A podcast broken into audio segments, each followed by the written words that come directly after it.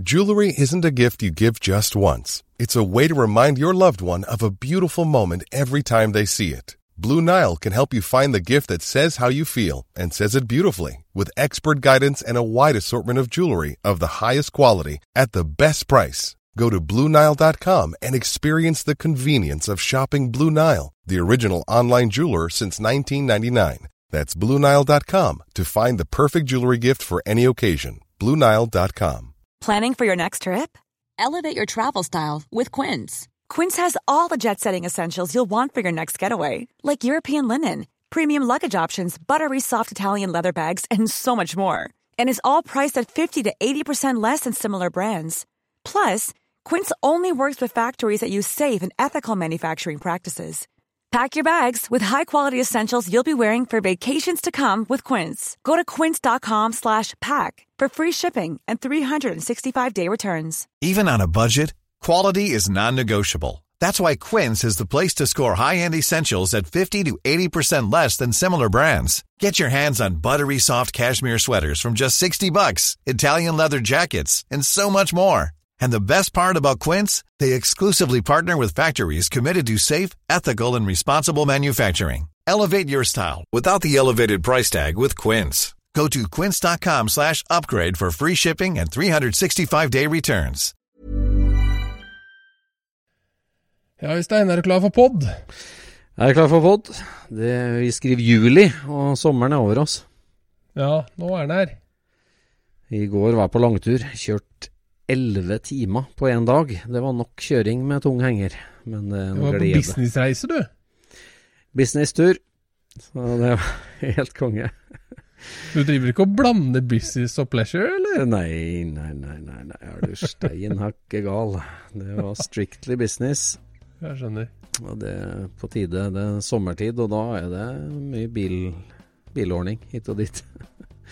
Ja. Men nå er det Men tid du, for dette må du forklare det litt nærmere. Dette tar vi i poden. Ja, det tar vi på den. Ja.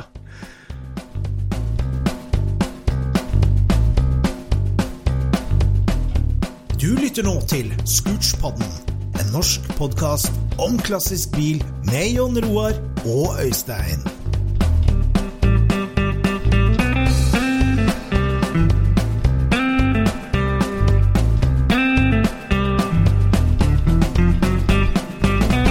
Yes, ladies and gentlemen, velkommen til en ny episode i Scootspodden. Eh, vi prøver jo å blande litt mellom eh, gjestepodder og, eh, og pratepodder.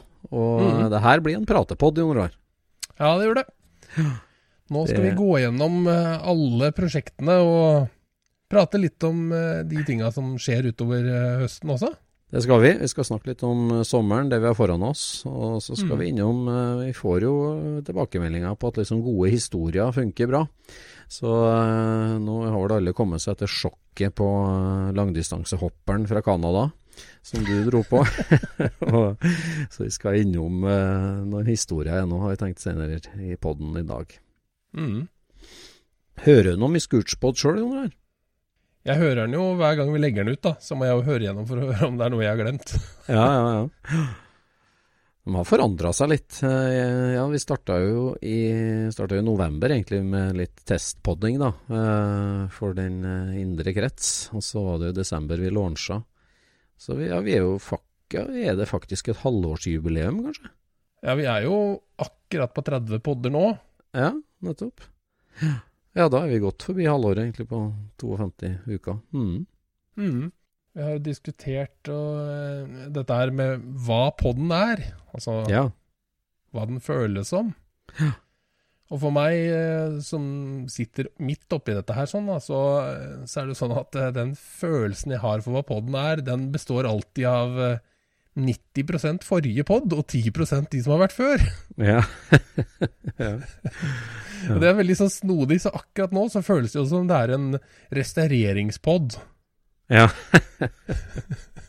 ja, den eh, med, fordi at den siste var Bjarne Koren og Mercedes. Ja, stemmer. Ja, Ja. Men Ja, men den var- følelsen forandrer seg jo hele tida. ja den gjør det. Gjør det. Og en, eh, Det som vi tenkte på, det er jo viktig at um, hvis du har oppdaga denne podden, Scootspodden, uh, så er det viktig at du sånn, lik og del, sier alle youtubere, og det skal ikke vi si. Mm. Um, men si fra til din bilkamerat at uh, det finnes en norsk podkast om uh, bilhobby og hobbybil. Det er litt viktig at vi, at vi sier fra om, for vi, vi vil gjerne øke volumet enda mer. Ja, altså bredden gjør jo det at eh, alle burde finne noe de er interessert i. Ja. Så ja. Um, det er vel ikke vi, alle som hører eh, alt, og det treffer jo ikke like bra for alle. Men altså, det er jo, etter hva jeg skjønner, så, sånn som jeg konsumerer podder, så, så hører jeg jo på det i bakgrunnen. Mm. Ja, ja. Ja, og det, jeg, jeg, setter jo gjerne av dem jeg vet er interessante eller har et spennende tema, til at jeg virkelig kan konsentrere meg om å høre òg. Og det ja, ja. de mest interessante. Så. Nei, så hvis du eh, Du er naturlig nok Scootch-pod-lytter, du er en scootcher hvis du hører på det her. Men si fra til bilkameratene dine, og del, eh, del linken til Scootch-poden, sånn at vi kan hanke inn enda flere deler av det norske bilmiljøet. Vi har mange på gjestelista. Vi har mange gjester vi allerede har hatt på besøk, som, som kommer litt utover sommeren. Så det, mm. det, vi, vi, tøffer oss stadig i bredden i noen år. På, ja, vi gjør det. Og det syns jeg er spennende. Veldig. Ja, absolutt. Og vi eh, får jo møte så mye rare folk òg, og høre liksom det er, jo, det er jo mange som får litt sånn Hva skal vi si, da? Mikrofonsjokk ja, det er jo det. At det er hver gang mikrofonen blir slått av, så kommer liksom ja. Da renner det som en foss. ja, det gjør det. Men det blir vanligvis veldig bra likevel. Ja, det slår meg jo hvor eh, ja, og liksom hvor, hvor, hvor lik vi egentlig er, da. Selv om vi er interessert i forskjellige ting eh, sånn, så, så er vi veldig like, altså. Uh, I bunn og grunn. Vi, nå har vi jo hatt en hardbarka amcar-kar på besøk her òg, som uh, Eh, og, ja, vi, vi er liksom i ytterpunkt av hobbyen på forskjellige kanter, men vi er veldig like, altså, lell. For hva vi liker og Altså, bilinteresser er veldig like, egentlig. Ja, den er det. det den er en eh, samlende En fellesnevner, ja, det er det. rett og slett. Det er det. det, er det. Ja da. Ja, Hørte du noe pod når du var i eh, Svedala, da?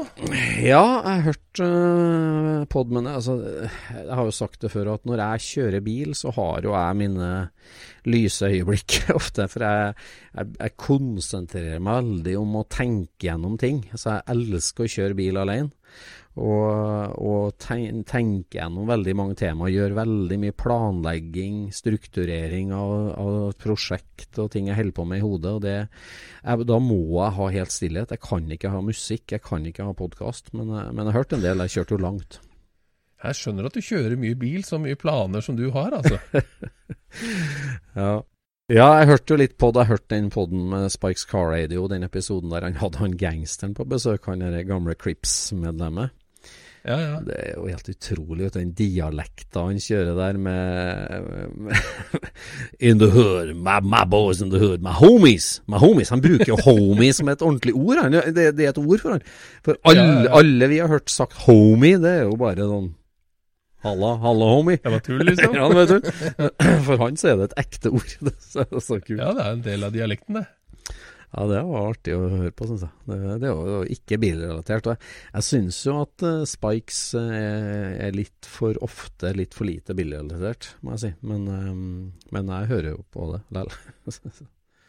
ja, jeg syns jo vanligvis det er, at det er ålreit, da. Altså de, hvis de syns det er interessant, så er det sånn tålelig interessant for andre òg. Ja. Men det er klart, når det er en eller annen sånn komiker som du ikke har noe forhold til, så er det ja. litt vanskeligere å synes det er gøy. Men ja, det... Scootspoden er garantert fri for komikere. Det må være ja. Her er det ikke mye moro. Nei, det er ikke det. ja, ja, ja. Har du um, kommet deg noe i garasjen, Jon Roar? Du? Jeg har vært et par runder her og, og skrudd på denne 1302-caben, da. Så nå er den eh, starta opp, og den låter fint. Ja. Bra dragen. Ja, akkurat. Ja, det var, var det Johannes Persson-motor? Nei.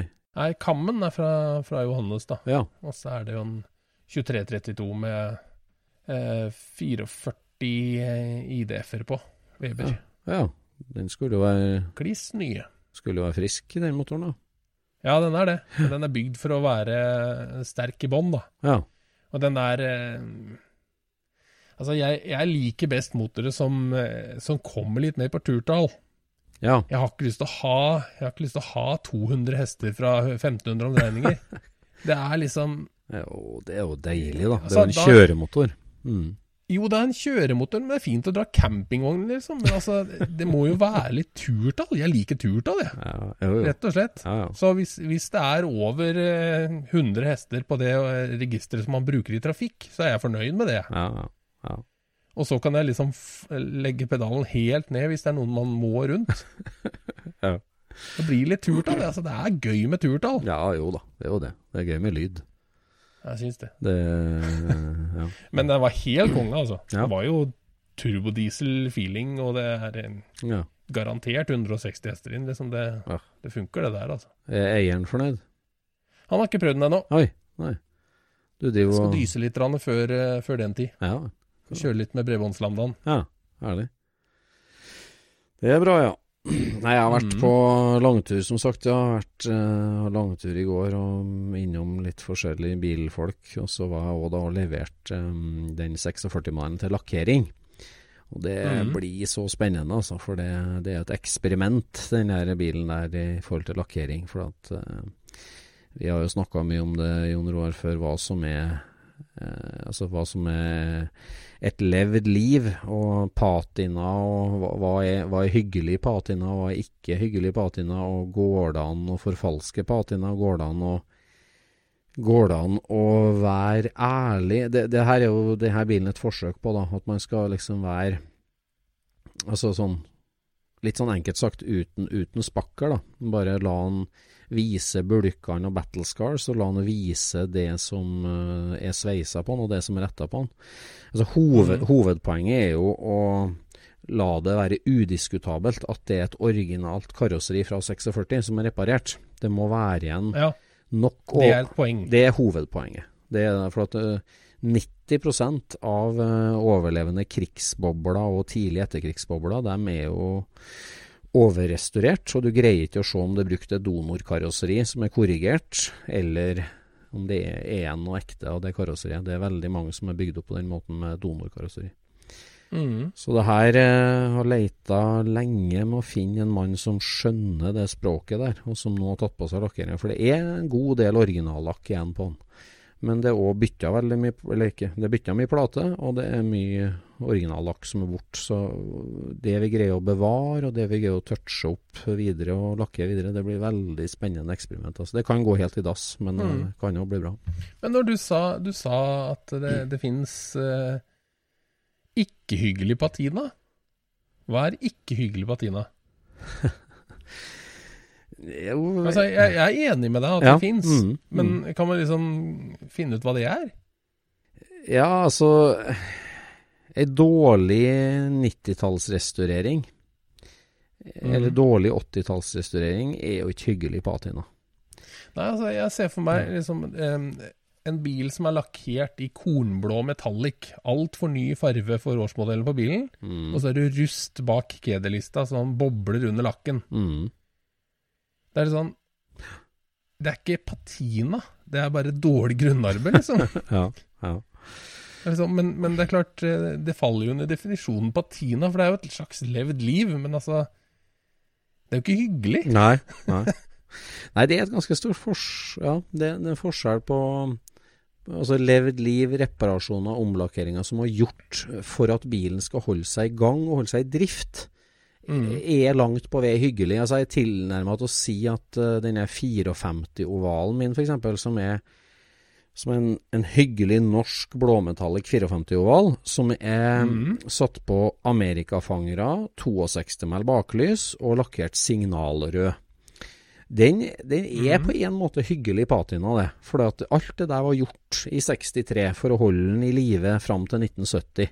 Altså Det var en sånn bruksreparasjon, bruksmodernisering. Men det er klart når den havner på en låve og blir stående i 30 år, og så tatt fram i 1985 og dårlig restaurert, da blir ikke den patinaen hyggelig. Men sånn brukspatinaen er hyggelig, men, og reparasjoner, men ikke dårlig restaureringspatina. Ja, men ja, nedslitt lakk er vel egentlig hyggelig patina. Ja, nedslitt lakk. Uh, det er hyggelig patina. Det er jeg enig i. Men, men, men bulker og flekklakking med feil farve, Mm. Nei, ikke hyggelig. Ikke, ikke så hyggelig. ikke så hyggelig. patina. Nei, Nei det Nå er det jo en del som, eh, som er innom det der og skjønner det. Det er jo en, en nydelig svensk fem eh, En, en 43 mile boble som kom fra Estland, egentlig, da, som er restaurert i Sør-Sverige. Han har jo bevart alle flekker av originallakk, men det var jo 15% igjen av det. Alt annet var jo bort. Så han har jo nylakkert alt. Han har bare maskert av de flekkene og områdene som var originallakk på. Og så er okay. ny, nylakkert hele resten av bilen. Det, Hvordan funker det, da? nei, altså den, det, det, det, er jo veldig flott. På en måte Han har brukt masse tid på å ta fram den lille originallakken som var igjen, og den er der, og den beviser, og den, den, henger, den beviser at det er et ekte karosseri. Ja. Men den så altså, Den var jo så blank og så perfekt alt det han har lakkert, så den så jo ut som han hadde flekktyfus eller noe sånt, den bilen. Han, han Ja. så jo Ja. helt føflekka ut. Så, han, så der ble det litt sånn rart for meg at liksom Ja, kult at du har bevart det originale for å bevise at det er et originalt karosseri, men når Ja. den blir nesten kamomala, så, så mister du jo linjene og formen på bilen òg. Så liksom sånn, da, Ja. da ble det helt ødelagt. Altså, at, eh, ja. du ser den på avstand og tenker OK, eh, er det en reklameplakat for et eller annet? Eller for den er så flekkete. Ja, for at det, det der er jo Jeg har jo nevnt det før, da. At når, eh, når man restaurerer gamle byggverk, så lager man en skarp, ny stein der den eh, gamle er vekk. Ja. Som da står ved sida av værbitt stein, som, som gjør at det- du ser at den steinen her er sånn som den andre så ut for eh, 500 år siden, ikke sant? ja. Nidaros For at det ikke skal være noe Ja, men den er vel aldri blitt helt ferdig med. Er Nei da, De er vel ikke ferdig med den ennå? Nei, det er en annen ting. Det er sant. Eh, Men, eh, men eh, da gjør de det sånn, sånn at du skal se hva som er nytt og reparert og sånt noe, for å ikke liksom tulle med historiske dokumenter. da. Mm. Men når et bilde blir ødelagt, et gammelt, klassisk bilde, Mm. så, så driver de jo ikke og lapper det med, med feil farve, for å si det sånn. Nei, De prøver jo da å matche inn sånn at du ikke ser skaden. Ja, det gjør Og det. det er jo litt interessant at det er forskjell på bilder og bygg. Ja, ja det er det. Og da mener vi jo da opplagt at biler ligger nærmere malerier enn de ligger bygg. Ja, ja. Så med den bygg-approachen så får du, får du eh, flekktyfus. Og med malerimetoden så får du Ja, det kanskje det føles litt falsk, kanskje, men, men det blir i hvert fall ikke så påtagende. Nei, men vi har jo til gode å se en uh, godt forfalska patinating, da. Vi, Vi har sett en ganske godt forfalska patina-ting, og det er jo den uh, postbilen til Christian Grumman. Ja. Den er jo godt forfalska, men Ja. på en veldig sånn teatralsk måte. Ja, På god avstand så ser det tilforlatelig ut, sånn som det gjør på film. ja.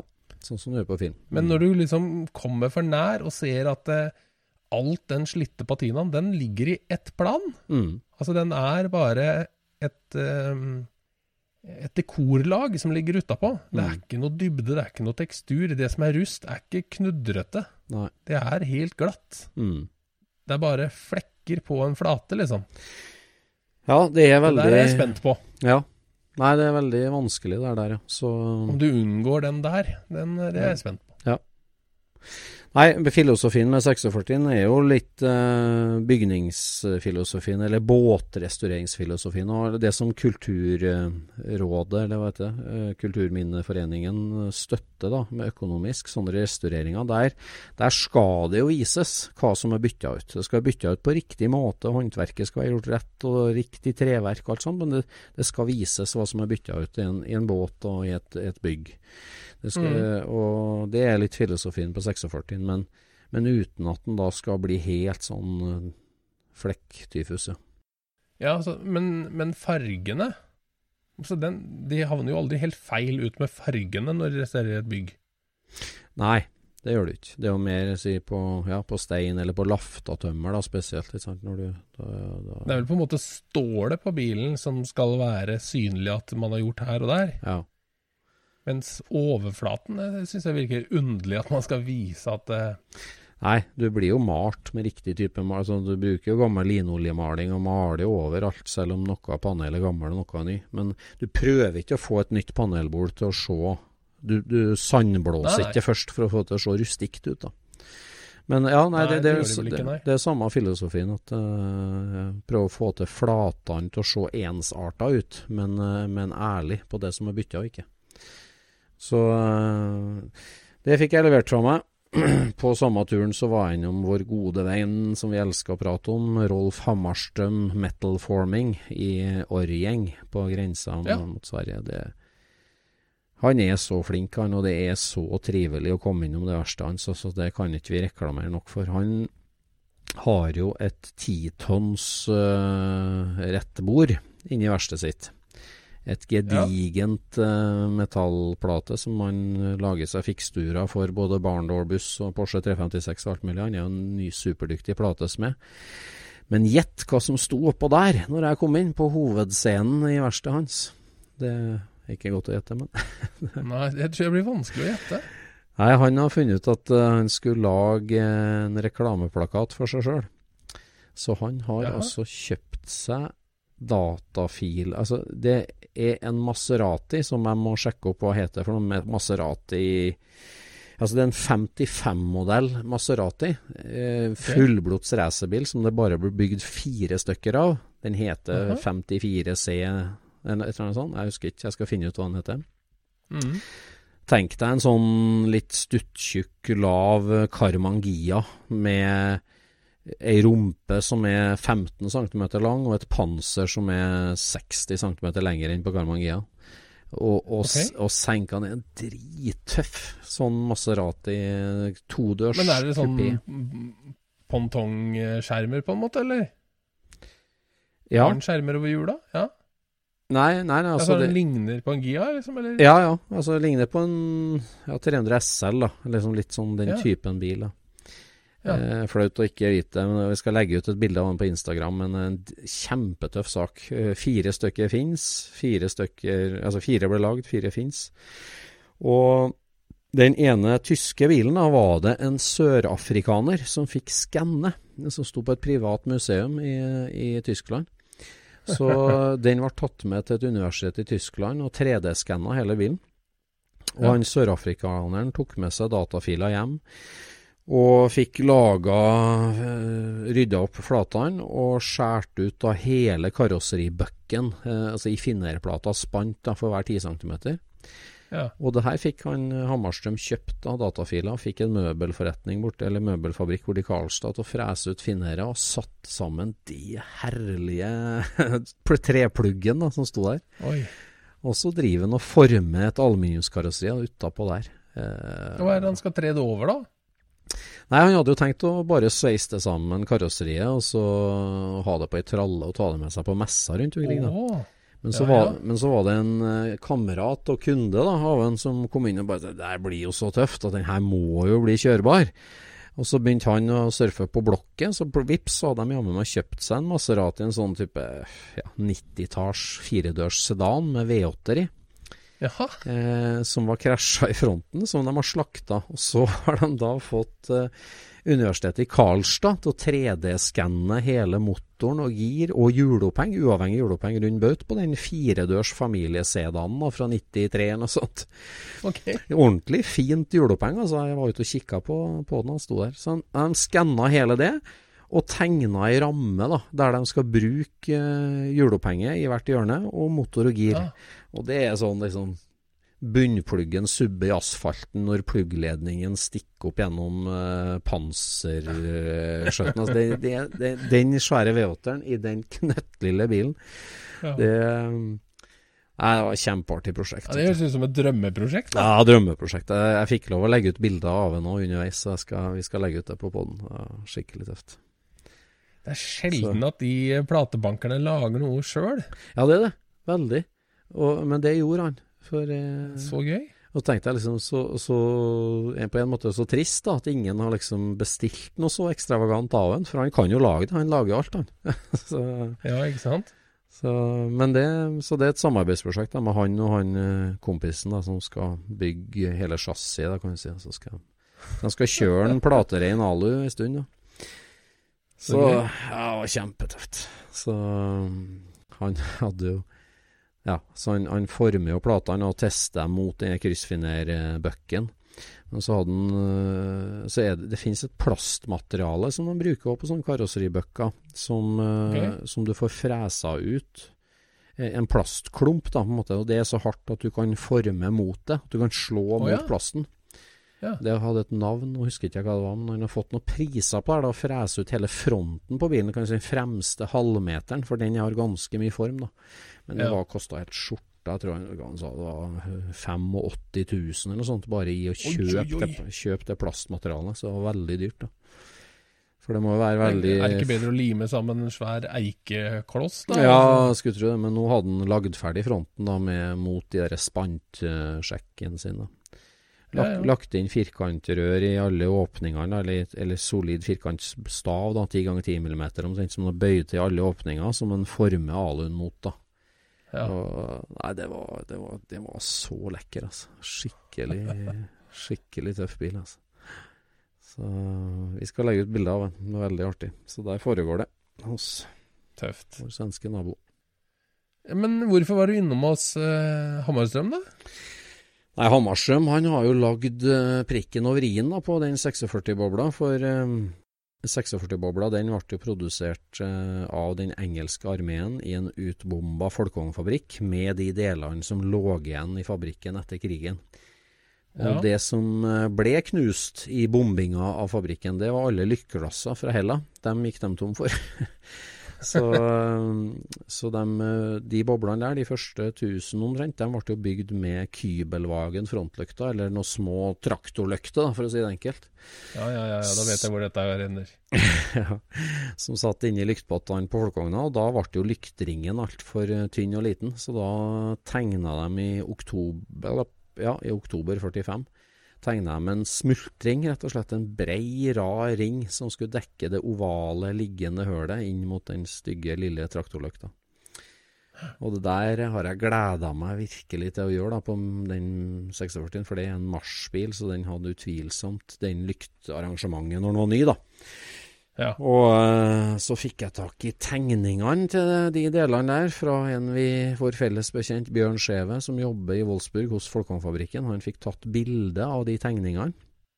Så jeg fikk ut det. Og så finnes det jo en del bilder av sånne biler i drift. De ble jo veldig raskt tatt inn til fabrikken og bytta ut med ordentlige lykter da, når Hella kom i gang i april. Eh, men jeg skal selvfølgelig tilbake til ursprunget. Så han eh, Hammarstrøm han har lagd de to løkteringene til meg, og de eh, ble kjempefine, altså. Og det, det ble så prikken over i-en når vi skrudde fast de der løktene der nå i går og satte dem på bilen for første gang. ja. Eh, Det er en sær lukt, det der. ja, ja, det er jo en eh, vel Altså, det er jo stygt i alles bok, men, eh, men når det først er så stygt, så, Men, så ja, men, ja, ikke sant? Du må, jo, Altså. du må jo liksom eie det, da, på et vis. ja, Men ja. hvor, hvor, eh, hvor mange biler på verdensbasis er det som står med de lyktene på? Nei, det er bare én annen en, som ikke jeg vet av, og den er jo egentlig for ny til at den skal ha dem. Uh, Oi! altså, det finnes igjen bare en fem-seks biler uh, som er, kan vi si, mars 46 og eldre, da. Altså me mellom oktober 45 og mars 46 Ja. så var det restdeler de var bygd av, alle bilene, og det finnes igjen bare en fem-seks biler fra den perioden i verden. Eh, og ingen av dem har uh, restaurert bilene sine med de lyktene på. Eh, men så finnes det Så da det er ikke noe stort marked som li nå ligger åpent for Hammarstrøm her? Nei, men vi har lagt, lagd ordentlig tremal, da. Eh, så, Så han så- kan lage flere? Ja, ja. Så, men dem har jeg, dem har jeg enerett på. Så, så, Har du det, ja? så, det her, li- så hvis det er noen lyttere som trenger sånne lyktringer, da, så eh, mitt lille firma Kraftverk AS har sånne til salgs. Så det Så dem eh, skal vi lage flere av. Det er en tysker som er på gang, som, skal, som kanskje skal kjøpe da, til sin 45-modell. Får vi se. Såpass, ja. Ja. Så gøy, da. Ja da. Ja ja. Det er ikke noe stort marked i hvert fall. Men det var, prikke, det var prikken over i-en, og nå står karosseriet til lakkering til en veldig kyndig, skjeggete kar. Så det her blir kjempespennende. Så, Det blir artig, det her. ja, så du får bli med på hentetur en gang, i, en gang tidlig i oktober, tenker jeg. Så skal han hjem, og da er det bare oppløpssida igjen før vi setter oss inn i, i setene og scoocher til Hessich Kjoldendorf. Ja. Det blir bra. Det blir bra.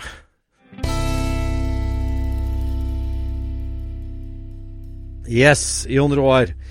Det nærmer seg august, og eh, det er jo ei tid på året der vi vanligvis samler hele menigheten på Gardermoen, på Ringbanen, på SCC. Mm. I år Vanligvis, ja. Vanligvis. For i år så blir SCC annerledes enn tidligere år. Ja. Vi har jo vært nødt til å avlyse SCC i år. Ja. For det lar seg rett og slett ikke gjennomføre på den måten som et SSC skal være, da. Nei, vi har jo nå en del lyttere som eh, ikke har vært på SSC, og som ikke altså, Hvis du er folkevogninteressert og bor i Norge, så vet du med stor sannsynlighet hva SSC er. Eh, men ikke alle, selvfølgelig, og det er mange andre bilentusiaster. SSC er jo en eh, festival over tre-fire dager på Gardermoen, som nå arrangeres for det, er det 19 år i år? Eller skulle ha vært 19 år? Ja. Ja.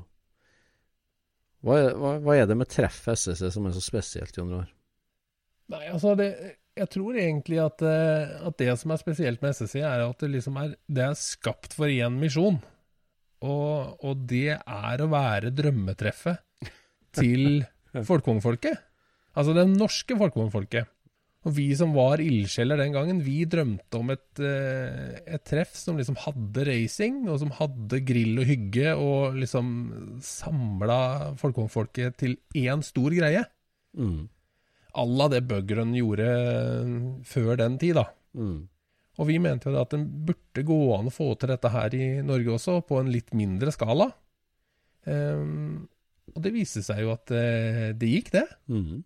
Det er et, ehm, et veldig trivelig treff rundt action. Da. Så det er bevegelse, fart og lyd, liksom. Det er jo det det er. Ja, det tenker jeg er en sånn hovedgreie, at det er alle sjangre, alle typer folk som er der, og så er det et, sånn, det er treff i bevegelse. Det skjer noe hele tida. Det gjør det. Eh, det er kjøring, det er tur, det er offroad-løype, det er slalåm, det er dragracing. Så det, det er Mm. aldri stillstand. Det er aldri parkeringsplass. Det er bevegelse Nei. hele tida. Mm. I en tid som eh, hvor, veldig, hvor veldig mange treff er eh, typ parker på, på plen og, og gå rundt og ljug, så, så er det liksom noe annet. Men så er det jo, det er jo eh, ganske strengt hvem som får komme inn. Da. Det er jo ikke noe sånn cars and coffee all inclusive, skulle du si. Det, Det kommer jo egentlig av hvor dette behovet kom fra. mm. Fordi når man driver med luftkjølt eh, folkevogn, så er man jo liksom eh, i en begrensa klan. Altså, det er jo ikke egentlig vekst. Det blir jo ikke flere sånne biler. Nei. Så når, når man reiser på et, eh, et vanlig Volkswagen-treff, så blir man etter hvert utnummerert av Passater og Boraer og, og alt mulig annet. Mm. Og mm, det så vi skje på Bøgrøn, da. At Mm. eh, etter hvert så Nå var det så mye Golfer og så mye Passater at, eh, at folkevogna på en måte blei bare øyer inni et svært hav av annet. Mm. Eh, og da fant vi ut at det må vi prøve å unngå i Norge. For eh, på den tida så kunne jo, og sånn er det jo nå, du kan jo dra med folkevogn på veldig mange treff. Og det har jo egentlig bare blitt bedre og bedre. Du er jo Mm. velkommen mer og mer. Mm. Men vi var da opptatt av å prøve også å få til et sted som vi kunne liksom samle troppene for å få til enda noen år med knallgode luftkjølte folkevogntreff, liksom. Mm. Og det blei jo på en måte en slags ny vår Mm. etter hvert. Så det, de store SSC-treffa er jo vesentlig større enn de gamle var. De gamle andre luftkjølte treffa. Ja, ja. Nei, det ble, det ble, veldig bra. Uh, og det har jo vært et konsept som har bare liksom utvikla seg og utvikla seg, men hatt en grunnform som er lik da i snart 20 år. Mm. Så og, ja, jeg bruker jo å si 1000 biler, 2000 folk. Og det er Mm. vel det stort sett sant? Blink, blink? Nei. Blink, blink, det er sånn som spikeren på SSC pleier å si. ja, det. Det er pluss moms og. Nei, veldig Ja. artig. Men i år blir det annerledes. I år blir det litt annerledes, ja. Um, egentlig så er jo det fornuftige å bare hoppe over eh, å arrangere i år, fordi det er for mye risiko knytta opp til, eh, til arrangementet, da. Sånn økonomisk og i forhold til vær og alt mulig. Altså, alt det der er jo likt som før. Det er bare at nå har vi enda en ting å slåss mot.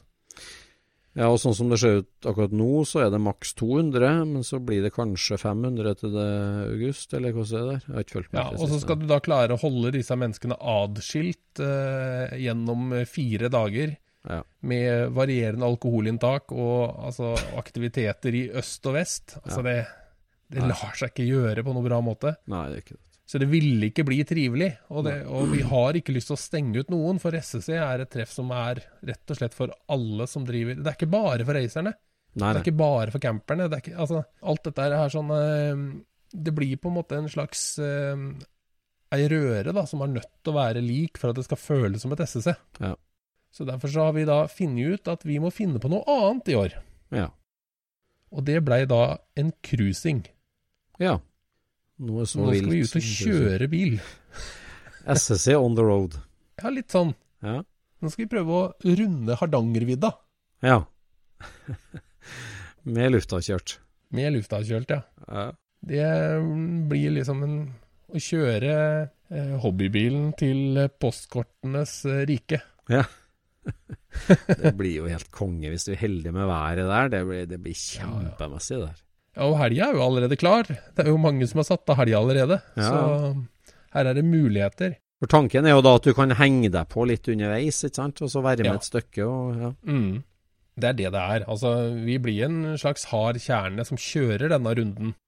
Og da er tanken at vi begynner i Drammen, Mm. og så kjører vi da gjennom eh, eh, gjennom Indre Telemark og over Haukeli, og så ned til Sørfjorden på andre sida, Dokka, og, og så opp til, til Lofthus, hvor vi Mm. finner en campingplass.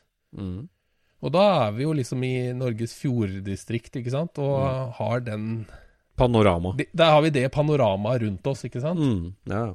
Eh, og så våkner vi opp der på, på lørdagen, da, og, og cruiser da gjennom, gjennom alt dette her, over den nye Hardangerbrua, og over da til eh, Stalheimskleivene, hvor at vi antageligvis tar en liten pause på toppen. Og så blir det jo litt å ta bilder og alt mulig sånt, og så kjører vi ned til Flom, og så opp på fjellet igjen. Og dette her er jo fantastiske steder alle sammen. Du må ta bil med Porsche-bremser. jeg. Ja, Skal kjøre så mye nedover. jeg må bremse på giret, Øystein. Ja, det må det kanskje. Ja. Ja. Mm. Og så, så overnatter vi da på, på Geilo på campingplass igjen på, på lørdagskvelden. Ja. Da kan det jo være anledning for å, å ta en liten grillfest, i hvert fall. ja. Også, Men eh, kan ikke vi få kjørt litt drag race på gamle flystriper på Dagali, da, sånn som Mustang-klubben gjorde i gamle dager? Jo, men da er vi inne på å arrangere noe Ja, ordentlig. det- vet du. ja, det det. vi driver jo Mm. aldri med sånn eh, svartkjøring i SSC, vet du. Nei, det gjør vi selvfølgelig ikke. Nei, akkurat. Så ja. Så det hadde jo vært drømmen, det. Men det kan jo hende vi skal gjøre dette her eh, flere ganger. Altså, Men da i tillegg til SSC, ikke istedenfor, håper jeg. ja. Det kan Men eh, på søndagen, da, så, eh, så skal vi jo prøve oss å kjøre over fjellet til, eh, til Rjukan. Kanskje vi skal Ja. ta en eh, sving innom på, på Vemork, Ja. på museet der. Og så, etter det, så kjører vi vel rett og slett hjem. ja. Det blir helt konge, vet du. Ja, jeg, jeg, skal være med, jeg skal være med i hvert fall, helt sikkert. Så det gleder jeg meg til. Mm. Ja, det håper jeg. Må jo ha Ja, ja, 25-hesteren blir jo litt seig der, kanskje både opp og ned. eh, Alle de Ja, men er det ikke sånn, eh, er det ikke sånn man opplevde landet da, i, i gamle dager, liksom? Jo, jo. Også... Det blir jo ikke noe race, dette her. Nei, nei. Nei, men altså Så legger vi opp til at det skal være sånn røftlig sånn seks timer kjøring om dagen, da. Altså såpass mye må til for å liksom klare å komme rundt Hardangervidda. Hvis man kommer Ja. fra, fra Østlandet, så blir det, det blir såpass. ja men det, Men Ingenting for Men- oss som driver elleve timer om dagen. Nei. Ja. Nei, men det Så blir det kjempeartig. er, jo, det er jo drømmen. Og dette her skal jo da eh, selvfølgelig være gratis, da, for dette her er ikke det er strengt tatt ikke et arrangement, det er et tiltak, liksom. Man kan Ja. være med hvis man vil. Ja. Og for de som går rundt og tenker på denne SSC um, treffrekka med klistremerker på vindu, Ja, stikker. så lager vi en, en egen en for denne cruisingen da, som ligner på de andre. Ja. Så det ikke blir noe hull i rekka. Ja, det blir rart. Jeg tenker du full Men T-skjorte den er ikke gratis, da. Nei. Jeg tenker du fullt T-skjorteshow igjen og sånt òg, eller? Det, Nei, vi må prøve å holde Vi er nødt til å holde utgiftene i, i skala med inntektene, så her må vi holde igjen på alle mulige måter. Ja, ja. Det, Men vi skal se om ikke vi kan få åpna nettbutikken og fylle den opp med alt som er igjen av, av rest-T-skjorter og, og genser og sånt, da, sånn at man kan eh, handle der og, og støtte, støtte og holde det svinghjulet i gang til, til neste år, til bedre tider. ja. Ja. Vi får håpe at vi tar igjen i dobbel dose i 2021 i, på ringbanen da, på Gardermoen. Det, Føles jo som at eh, eh, det vil skje, da. Det er jo men altså 2021 blir jo et år der alle skal ta igjen et år, føler jeg. Og bare på bilfronten så er det jo Det blir jo en veldig travel sommer, altså, for da er vi jo da, er, da er det jo fullt Peter Max-løp hele uka fram til Hesse Kjoldendorf, da. Og så er det jo helga etterpå, det er jo Le Mans Classic. Så det ligger jo an til to-tre uker i Tyskland utafor familieferien. Så allerede der har vi jo slitt ut både bankkonto Men jeg tror, tror det blir mer aktuelt for, for oss to enn en for, eh, for Hobbybil-Norge, altså. Ja, jo da, det er sant. Det var kanskje litt intern betraktning. alle skal inn på Betemax Müller med, med 17M og Ja, nei, ja, men, eh, men eh, Nei, det blir en travel sommer. Det blir det, altså. det blir, blir sånn at det blir på en måte bilhobbyens russefeiring eh, 2021. altså, nå, skal, bare, nå skal vi ha det så drita gøy i et helt år, liksom. Ja, men jeg, jeg føler jo sånn det blir litt sånn på alt. Jeg. Så hører jeg guttungene mine her nå om jeg skal ta igjen det ene og andre, og nå ble det ikke det. Og, og så snakker vi om ferie, ikke sant. Ja, vi skulle egentlig til Amerika, var jo planen og drømmen nå i år. Ja, da må i hvert fall det neste år. Og nei, men da er det noe annet, det og det. Og så skal du liksom på dobbel ferie og dobbel eh, alt. Fotballcuper og hockeyskoler og alt som har blitt avlyst. Så skal liksom i hvert fall ta igjen neste år. Så det blir veldig travelt. det blir, det blir sånn krampeår, det. Ja, det blir det. 2021. Det blir det. Så eh, må allerede nå sette av SSC-helga, i hvert fall så ingen truer den for 2021, for da skal det bli ordentlig SSC igjen. Nei, da blir det SSC. Jeg har allerede booka banen, så det, Har du det? vi er på gang. Ja, Ja, ja, det er veldig bra. Det er veldig bra. Det blir, eh, det blir treff neste år, det er det ingen tvil om. Nei, men da er det oppmøte i Drammen da, på formiddagen fredag 14. august. Ja, i titida. Titida. Titida i Drammen. Mm. Ja. Mm. ja, det gleder jeg meg Og det som har til. lyst til å henge seg på der, er jo bare er jo hjertelig velkommen, da. da, da må en jo pakke telt og sovepose og greier, da. Det blir bra, det. Mm. Ja. ja. Suverent. Er det lagt opp til litt sånn start utpå ut på dagen på lørdagen og søndagen, så det går an å ta en pils, eller er det tett program, kjapp, kjapp? Nei, Altså, vi, skal jo da, vi skal jo da rekke å komme fram, da. Ja, det er det, da. Og, så, så det er jo en sånn balansegang der. Eh, Ja. Men eh, litt utpå dagen Altså, det skal ikke være grytidlig. Det, det kan det jo ikke være. Nei, det blir herlig. Det gleder jeg meg til. Virkelig, altså. Det, Mm. Jeg tror det blir fint, det. det Få tatt litt uh, bilder og Vi har hatt med oss en eh, dronefotograf og fått tatt litt uh, kule cruisingbilder. Det hadde vært litt artig. Men han eh, stakkars spikeren, blir han arbeidsledig, liksom? Han der. Skal ikke du kjøre åpen bil med ropert, da? jo, det skal jeg Nei, sånn Blues Brothers-bil med sånn megafon på Det taket. blir konge. Det skal Det blir fint. med en sånn CB-kloss inni som jeg skriker i. Det skal Det er jeg for. Ja, det er for, altså. Skulle hatt en buss, da. Hatt det på taket på altså.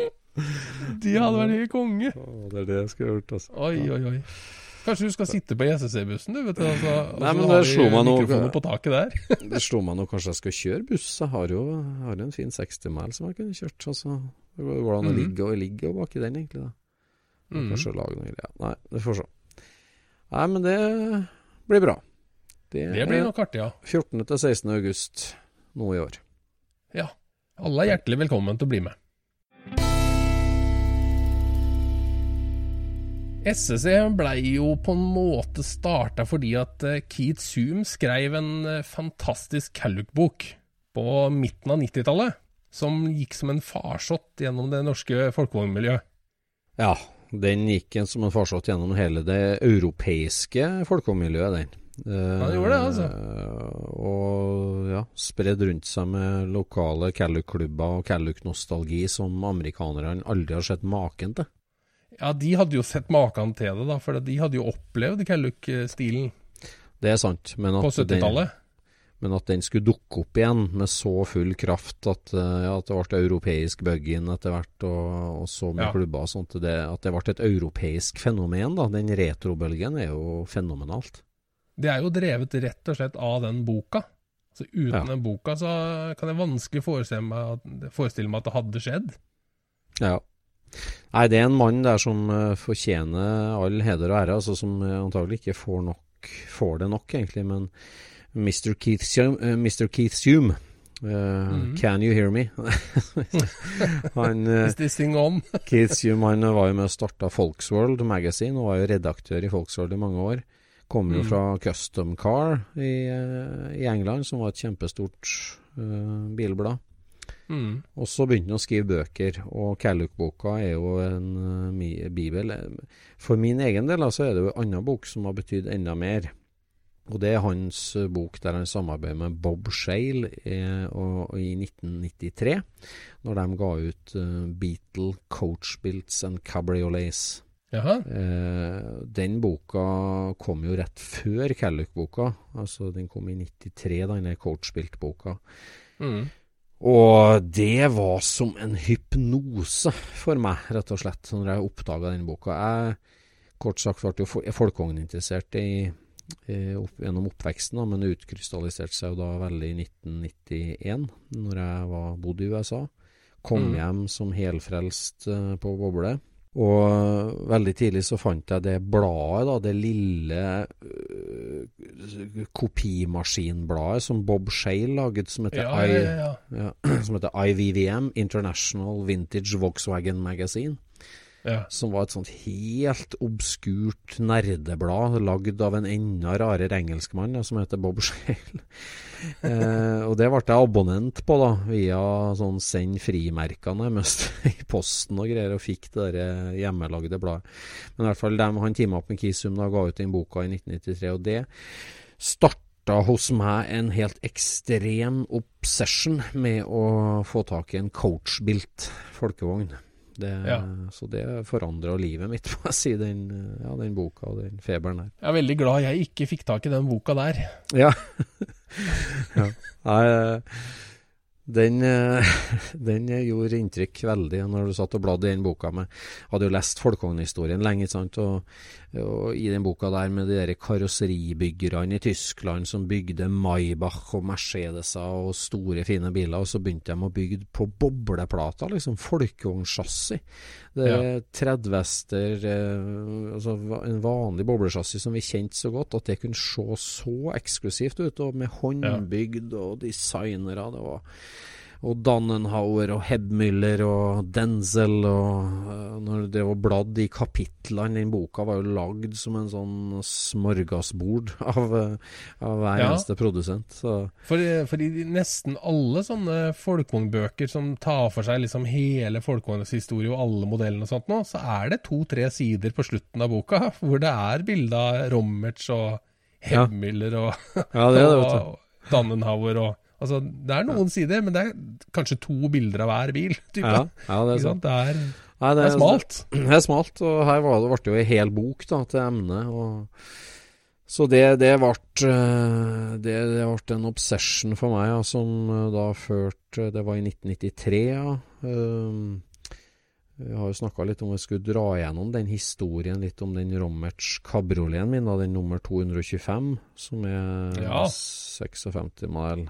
Eh, For da boka ble jeg hypnotisert av, og så i 1994 så starta jeg på høyskolen, NTH, i Trondheim. Og der eh, ble vi utsatt for noe helt nytt, spennende, som het Internett. Som var en veldig dramatisk nyvinning. Det var en sånn datarom der vi kunne gå inn og sette oss eh, Der var 20 maskiner disponible, og vi kunne få komme oss ut på det som het Internett, ja. Ja. Og hvis du begynte å google Eller google gjorde du absolutt ikke, da. Men uh, søk litt Hva sier det kanskje? Ja, men det var Som sagt, så var det Der var, det- der var det sånn For spesielle interesser så fantes det noe som het IRC, IRC, som var Ja. en sånn slags chatteforumfunksjon. Ja, ja, ja, ja. Du kunne gå inn på IRC, og eh, ja, eh, det eh, het sikkert noe sånt. Det ble kalt IRC. Ja, IRC. Du Ja. kunne inn der og søke på forskjellige emner, og så dukka det opp liksom noen sånn diskusjonsgrupper på det der.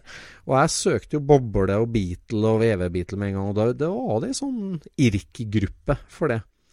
Ja, var det det, ja? Uh, og jeg begynte å chatte, vet du, og da hadde jo jeg akkurat da fått tak i en av mine kjæreste ting, som er et, et Kybelwagen-chassis fra 1941.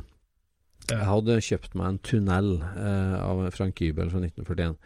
Så skrev jeg inn på side på IRK-forumet der at jeg har en Kybel-tunnel og har lyst til å bygge meg en eh, KDF-boble. 82 E-replika. og Den må være høy og knastedekk og militær eh, og og så begynte jeg å stille litt spørsmål rundt det. da At jeg skal bygge Ja. På denne Kybeltunnelen så skal jeg eh, sette på et eh, 50 mil boblekarosseri og forskjellig sånt, og skrev litt om det. Og fikk litt sånn innspill. da Jeg husker ikke helt hvordan det så ut, det IRK-forumet. Men det var jo innlegg, det var jo ingen bilder i hele tatt. Det var bare prat. Mm. Og da var det en som kom inn der, en amerikaner som het Chris, som var på IRK.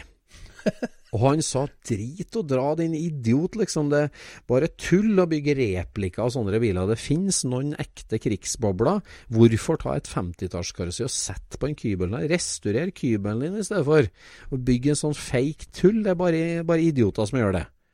Og Han okay. var så direkte og kjempe veldig direkte. Veldig direkte, og han snakka engelsk, da. Det var ikke helt sånn, men eh, han snakka engelsk, og, og var veldig liksom slem, da. Du. Jeg bare jøss, det her var jo Først, først så var jeg liksom sånn for en idiot, liksom, og sånn, men så begynte jeg å tenke på ja, ja, han har jo for så vidt rett, da. Det er jo litt sånn tåpelig idé, da. Altså Nå kan jeg jo si at jeg skjemmes av helt at jeg har tenkt tanken, men, men eh, han hadde litt rett. Og så var det åpenbart at han visste hva han snakka om, da.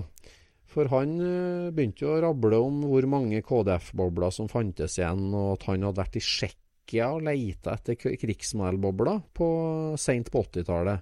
Og det var ikke hvem Ja. som helst fra Amerika som reiste til Tsjekkia og kjørte rundt på landsbygda der og spora opp KDF-er, altså, men det hadde en kliss gjort. Og, og så ble det vel liksom en sånn privat diskusjon om Chris da på mail etter hvert, da når jeg var på datasalen på høyskolen der og diskuterte, og ble en interessant bekjentskap for meg, han Chris. Og i 1995 så reiste jeg over på sommerjobb eh, i USA. Da hadde jeg så lyst til å komme meg til USA, eh, og var helt eh, hypnotisert ivrig på å finne meg en coachbilt, så jeg leste jo det at veldig mange Å oh ja, for, at du hadde lest at de fantes i USA? Ja, eh, jeg leste jo det at i boka så står det jo det at markedet for coachbilt var jo til USA, så halvparten av Rommertsland gikk jo til USA. Ja. Eh, ikke så mange Dannenhavere kanskje, men Hebmüllere òg gikk jo halvparten omtrent. Og, og Gia ikke sant, var jo 80 Karman Gian gikk jo eh, til USA. Mm. Så jeg var veldig ivrig på Jeg skjønte at jeg måtte til USA for å finne en sånn coachbilt-folkevogn, for jeg var helt besatt av tanken, og, og helst eh, Rommerts, fordi at det var aluminium. Det fascinerte meg veldig, altså. Ja. Og så Uh, Var det sommerjobb hos eh, Rick's Restoration igjen, da? Eller Nei da, da dro jeg for um, Nevada Framers. Da fikk jeg Da lagde jeg reisverk til hus. Eh, fikk jeg meg en sommerjobb der, for at jeg, jeg hadde jo vært eh, utvekslingsstudent i Amerika og blitt kjent med Rick's Restorations da det var i 91. Mm. Og vertsfamilien min der, han pappaen der, han var fengselsvokter og snekker, så han jobba okay. to jobber. Så via hans firma Nevada Framers, så det framing betyr jo reisverksbygging. Mm. Mm. For der bygde vi jo hus på løpende bånd. Det var jo 10 000 folk som flytta til Las Vegas hver måned på den tida der. Det var den hurtigst voksende Ja. byen i USA. Så der var det en gjeng som støpte gulv, en som satte opp reisverk, en som satte opp vegger, en satte opp tak, kjøkken. Det var samlebåndsproduksjon av eneboliger i kjede. Mm. Og jeg banka reisverk. Ja, for det er poenget. der. Det var ikke noe trøkkluft, det var en svær hammer. Svær hammer. Jo, vi hadde røykluft òg. Ja, vi hadde røykluft. Ja, ja, vi hadde For det er sånn framing hammer, som Ja. amerikanerne Ja, jeg jeg kjøpte en det. enorm hammer. Enorm hammer. Jeg har den ennå. Den er hickory i, tre, i skaftet på den. Sånn skikkelig solid. eh, Som en blanding av øks og en hammer. Det er, det. Ja, det er sånn framing hammer. Den er helt konge. tøft. Så, men i hvert fall, jeg, jeg dro jo dit for å lete etter coachbilts, og bodde i Las Vegas, og kjørte mye rundt der, og var veldig mye ute i Los Angeles. Og da, da dro jeg ut til Los Angeles på Pomona Swap Meet, og da hadde jeg irka med han derre Chris, da. Mhm. Og Chris eh, Chris Morley heter jo han, og er jo en eh, legendarisk Morley, eh, skikkelse i folkevognmiljøet. Men han sa det, vet du, at eh, ja, hvis du kommer over sånn uh, I'll see you at Pomona. For det, det var ikke mye sånn Du hadde ikke noe mobiltelefon da. eh, og, og det var ikke liksom sånn I'll see you at Pomona. I'm always there. You'll find me, sa han liksom. Og jeg kom til Pomona Swap mitt på fredagen før det åpna på lørdagen der, og, og, og gikk rundt der som en likbleik nordmann og skulle Jeg hadde jo vært på Pomona før, men jeg, jeg var der da i 95. Og gikk rundt der, og plutselig så På parkeringsplassen her, der folk det var rydda ut sakene sine og utstyret sitt og sånn, så så eh, kom det en Kybelwagen kjørende, full av folk, og en liten kar som satt og kjørte Kybelwagen.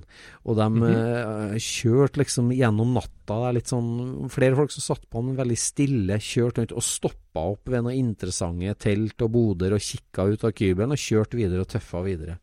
Jaha. Og der var jo veldig artig. Jeg hadde jo ikke sett jeg hadde jo sett Kybel før, men en, i California-sola som kjørte rundt, tenkte jeg der må jo være en Chris. Eh, og så var jeg bort da, til den folkevogndelen, og det var Chris Morley som kjørte Kybel. Vet du. Det Han, var det. hadde, han hadde kjøpt den av et filmselskap i Hollywood som hadde tatt den over fra Tyskland for å spille inn krigsfilm. Ja. Eh, Så det var ekte, altså. det var ekte Kybel. Og eh, Chris Morley han er jo en kar som har levd systematisk av å leite opp eh, veldig mye folkevogn, sjeldne ting fra over hele verden, spesielt USA. Og han var jo, jeg må nesten si, best i bransjen før internett ødela alt, egentlig, eh, for han. Han var, han var en sporhund av dimensjoner for å spore opp ting Mm. og gjorde det til levebrød. Og jeg ble med en hjem til huset hans i Redondo Beach, rett sør for Long Beach der i, i Los Angeles. da. Et lite, helt nedsarva amerikansk hus. Stappfullt av folkevogndeler. Altså hele bakhagen, der sto det en Hebmüller i 47 boble, en 356 Speedster, som var en inverse kitcar, for den var så opprusta i bånn at den var tredd nedpå et boblesjassi. Så det var en opprusta Star Speedster. Eh, 47 bobler, det sto en Romerts Lawrence der, det sto en Barndoor ambulanse der. Det sto en to-tre ovalkabrioleter der. Det var helt vilt i bakhagen til Chris Morley. Og inni Ja. huset hans, det var så mye folkevogndeler. Det var MP-deler, det var splitt-deler, det var KDF-deler, det var stabla eh, utover gulvet til en del opp i badekaret. Hadde en IDA, Weber IDA. Det var helt vilt eh, der. Og, og eh, vi satt der utover kvelden og, og prata sammen den Pomona-helga, husker jeg. Det var, det var, jeg var helt, helt slått i bakken som en eh, liksom, interessert nordmann å bli kjent og få innblikk i det derre Det var helt overload for det, det, det der, eller? det var helt overload. Det var det. Og eh, lang, lang story short, da, så, si han så sa jeg det at liksom mitt ærend i Amerika det er at jeg skal ha meg en Romerts. Eh, og jeg har hadde fulgt opp en del spor, og jeg hadde leita litt rundt, og, men det var jo vanskelig kan du si, å begynne å leite fra scratch. Og si at eh, jeg har en Romerts, sa som, eh, men den er så dårlig at you don't want it, sa han. Å, såpass. Eh, you don't want it. Og da fikk jo jeg hellos. Og siden ja, jeg kjøpte den uh, for mange år siden. Den står lagra i en hage i Arizona. Har, for å være ærlig, jeg har aldri sett den heller. Jeg har bare fått bilder av den, men den er dritdårlig. Den er, den er krasja, den er battered, den har vært herja med. Den er ordentlig dårlig, og den står i en hage der eh, hos en kamerat av meg. Og den er altfor dårlig for deg, og jeg vil ikke selge den, sa han. Oi. Så det var en dårlig start, men det, det, det førte jo Nå kan jo ikke gjøre den historien altfor lang, da, men etter flere år med forhandlinger, da, så ble jeg da enig med han i 1998 eh, at, at, jeg fikk kjøpe den, den Rommertsen. Ja, Men og, fikk du se den, da? Nei, dro du og så på den? Nei, jeg fikk ikke sett den da eh, i 95. Men jeg var tilbake igjen på ferie i 97, og da dro jeg til Arizona og fikk se den. Ja. Da sa han hvor den var hen, og jeg dro over for å se på den. Hva tenkte og, du når du fikk se den, da? Jeg tenkte fy fader, en Rommerts. Og jeg kan Den her må bli min. Jeg så ikke på tilstanden. Jeg så bare at det var en rommerts. Nei, jeg har ikke peiling. Det kan jeg bare si. Jeg så ikke hva slags tilstand den var, for jeg var det at altså, bare, et, et, bare en urestaurert Rommertz, da hadde du bare sett den på bilder. Jeg hadde sett én live. Jeg var og besøkte han Blue Nelson, da. Ja, ja. Jeg hadde én siden, han hadde jo flere, men jeg var besøkt han eh, Blue Nelson, han hadde jo flere, så jeg så dem jo der restaurert og fin. Men at det mm. da sto ute i en hage utendørs, en urestaurert bil, og jeg, jeg ble bare enda mer tent på at jeg måtte ha den. Uh, ja. Det ble det, altså. Så uh, men uh, fortell historien om hvordan den havna der, da. Det må vi jo ha med. Ja, den Rommertsen, det var jo uh, så den bil nummer uh, 225, som betyr at det var den 125. bygde av 175 biler. Mm. Den var Ivory elfenbenshvit, svart skinninteriør, solgt ny av Hollywood Motors i Los Angeles, som var importøren av Rommerts til USA. Hollywood Motors. Solgt der ja, Den er produsert i eh, jul, juni 1956. Og ble da ja. solgt ny i oktober-november 1956. Kanskje til en Hollywood-kjendis. Men så sier jo historien, da, som jeg ikke har greid å verifisere, men at den da havna i Texas i 1960. Da ble den solgt til Texas, mm. rett utafor Dallas. Og så i 1964 så krasja de med en veldig hardt i fronten. Mm. Skikkelig trøkk på høyresida fram, så hardt at rammehodet ble bøyd. Og aluminiumsskjermen og stålet ble helt knøvla kan du si, på høyresida fram i 1964. Mm. Da ble den uh, bare dratt bak låven på et lite småbruk uh, utafor Dallas, uh, og havna ble liggende der, kan du si. Og så kom det en skrotinnsamlingsaksjon i området som samla alt jern. Så da plukka de av en alt som var jern, heldigvis foruten bunnplata. Så kan vi si forstilling, bakstilling, motor, det som var vekt på, det ble plukka av en da, og mm. levert inn til en sånn skrotinnsamling. Rart de ikke tok hele bilen, men uh, heldigvis. da, så, så, da lå han da på bakken bak den låven i Dallas. Lå på ørken, uh, sånn ørkensand nærmest, uh, mm. bak låven der. Og så, da, i ca. 1990, så døde han karen som bodde i låven, men bodde på den gården. og han og det ble opprydding på den låven, for det skulle selges da hele det området. Eller mm. den, den gården. Og da samla de sammen alt, sammen alt, skrot, og dem som rydda opp der, de sa oi, it's aluminum. Uh, da leverer vi den til en sånn recycling yard. Det var ikke noe vits å ta den til en bilopphuggeri, på en måte. Vi leverer den til en sånn innsamlingsplass der de samler inn kjøleskap og frysere og coke cans som var lagd i aluminium. Mm. Så, sånn aluminium. så de kjører den dit. Og de tar gaffeltrucken inn gjennom frontruteramma på den, og vipper den opp oppi den skraphaugen med aluminiumsskrot som skal smeltes ned. Ja. Eh, aluminum body shell, liksom. Ja, ja, det dumper vi oppi der. Så da var det jo Interiøret var jo grilla ut av en av Texas-sola. Alt var knust. Eh, av vindu og sånt. Og det var ikke noe hjuloppheng, det var bare ei bunnplate og et karosseri. Det det var igjen dørhåndtak og litt interiørdetaljer og askebeger og En del ting var igjen, men det var veldig ribba og dårlig, da. Og så lå han oppi den eh, haugen, og der kom det jo en sånn mobil eh, shredder som de eh, hakka alt sammen oppi.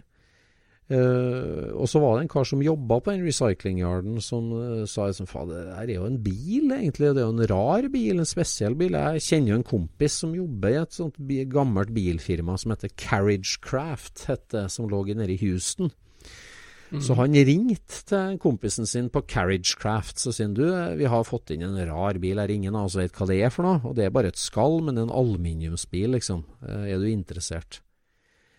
Og da var det en kar da som uh, ble så nysgjerrig på det at han kjørte opp fra Jusen, det er jo en fire-fem timer kjøring, og dro opp dit.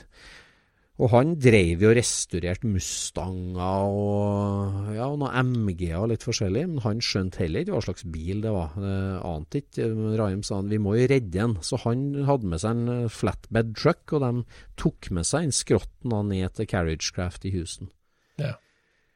Og, og der Eh, skjønte de at det var folkevognbasert og forskjellig. De eh, hekta på noe 66 hjuloppheng foran og bak, som ble trillbar i hvert fall. Mm. Og, og satte inn en annonse i Hemmings Motor News i 1992 omtrent. Eh, Old Aluminium-based Volkswagen for sale, eller noe sånt, sto det der i mm. annonsen. Mm. Og den annonsen så jo vår venn Chris Morley. Chris Morley ja. har abo abonnert på Hemmings, og han så alle annonsene først, skulle si. Første han gjorde. Og han var en sånn uh, jeger som hogg seg på, altså. Så han hogg seg på tvert og ringte Carriagecraft og kjøpte den for slikk og ingenting. Ja. Og fikk sendt noen papirbilder over til Los Angeles og sa at og liksom, ja, utvilsomt en Romerts, uh, jeg har gjort et kupp. Og så fikk han da kjørt den bilen til sin venn i, i Phoenix, der han ble lagra i hagen da, til han kirurgen som heter Dick Christensen, som også var folkevognsamler. Ja. Og der sto han da helt fram til jeg i 1997 greide å overta han Chris om at, vi, at han kunne selge den. Men da var det sånn at når jeg, det er jo sånn når du kjemper for å kjøpe og kjøpe og kjøpe, og han vil ikke, vil ikke, vil ikke, og til slutt sier OK, jeg vil selge den. Da er det han som bestemmer prisen. Ja. og da sa han det at uh, I want one of them canteen vans from Norway, sa han. Han okay. vil ha en sånn høytaks kantinebuss.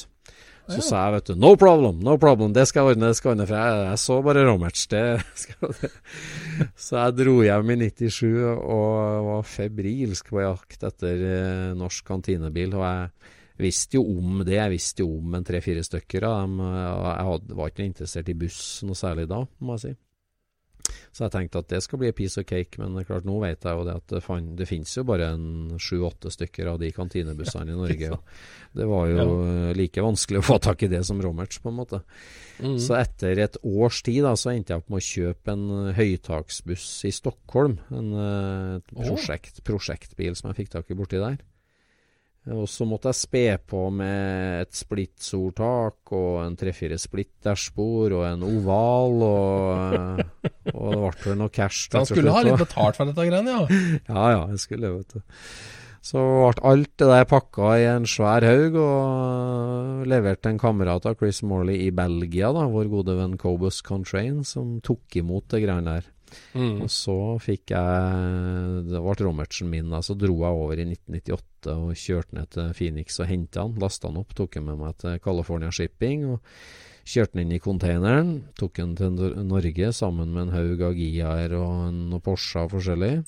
Og den da den døra på den containeren gikk opp, da sto jeg der. Ja, da sto du Da var jeg der. Da kjente ikke jeg deg i hele tatt. Gjorde du ikke det? Nei, kjente, nei? Jo, jeg, jeg, visste jo hvem du var. Ja, jeg kjente ja. deg ikke. Nei, 1998. Du var med vår venn eh, Ole Rune, du. Jeg var da. med Ole Rune og, og Morten Brattås. Ja. For de skulle hente hver sine Giar. Ja, det skulle jeg. og så ja. Og så var det jo noe annet spennende inni den der konteineren òg. Det var en ganske gammel Porsche. Ja da, det var med en 50 mann Porsche. det var en bra container det der egentlig, sånn ja, for det... Eh, folkevogn- og Porsche-bestanden i Norge? Det var en fin container. Det var, det var absolutt, det. Jeg jobba hardt den sommeren der av 1998, for da var jeg tilbake igjen og jobba hele sommeren med å pakke containere og styre på. Så Men det altså, var... Eh, det blei hviska og tiska mye på, på Holger, Holger Fischer Shipping der, om, ja hva det var Øystein hadde dratt i hus. Ja, ja. For det så mest ut som en utygd tøffel tøffel i aluminium. Ja, den var, den var Det var kanskje da det er første gang jeg begynte å se på tilstanden på den. Det var først da, ja. Ja, jeg var, jeg var helt eh, var helt forelska, og det, det brydde meg ingenting om tilstanden på den. Det var en Nei. Romerts, og jeg eide den, og det var, jeg var helt eh, i himmelen, altså. Ja. Ja nei, det, det, det, det, var, det var veldig spesielt, så det, jeg husker det er eh, Ja. Jeg ble imponert over, over hva du hadde dratt i hus. Og han der med gaffeltrucken der òg. Ja, ja, ja. Nei, Han hadde sikkert sett mye rart, han da, men Ja, og Det verste var han når jeg kom opp til Trondheim. Jeg fikk jo tollpass på han og kjørte rett på tollbua i Trondheim. Og de kom ut, og jeg skulle tolle inn der. der og så, Hæ? Har du betalt penger for det? Å, herregud. Ja, for det var jo Når du sa at de hadde tatt den ut fra bak låven, så dro de jo den etter, etter pickupen med bare en vaier rundt eh, bakplata. Ja, ja. han Så den var jo dratt ut som en spiss bak. Ja, ja. Det var jo, Og frontramma var den jo løfta i, så den, var jo, den gikk jo opp som en spiss, den. Og så var det noen som hadde trampa ned hele fronten på den.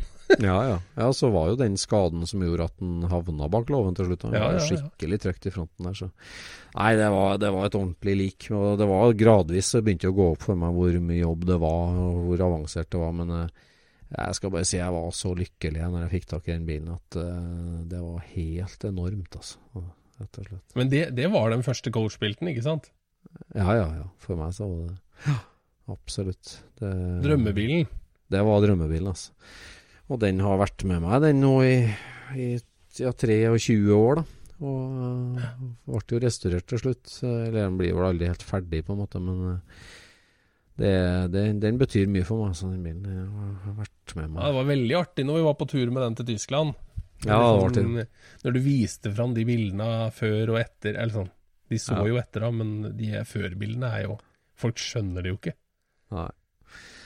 Nei, det har vært ei lang reise. Det får bli en egen pod om den restaureringa, kan vi si, for den var jo mangslungen. Men uh, han går jo i bart aluminium nå for å vise fram øh, ja, det som gjorde at jeg falt for han til å begynne med, egentlig. Det at det er aluminiumskarosseri, det er så fenomenalt kult. Ja, ja. jeg.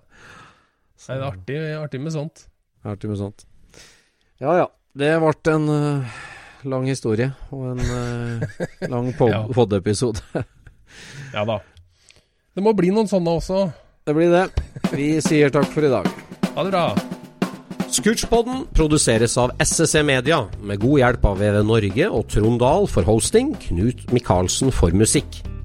Abonner på Scootchpod via podcaster eller Acast, og følg Scootchpod på Instagram og se det vi snakker om. Der kan du også komme med kommentarer og innspill, og fortelle oss hva du vil høre om.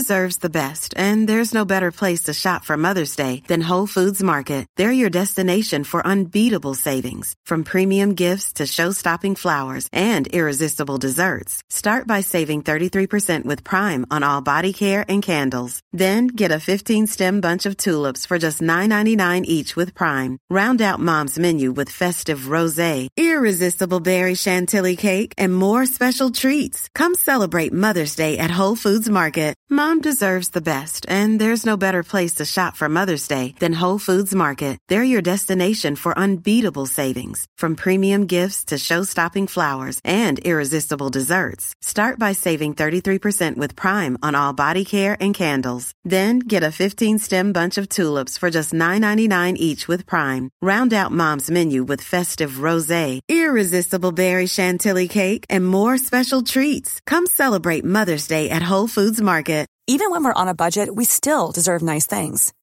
Quince is a place to scoop up stunning high-end goods for 50 to 80% less than similar brands. They have buttery soft cashmere sweaters starting at $50, luxurious Italian leather bags, and so much more.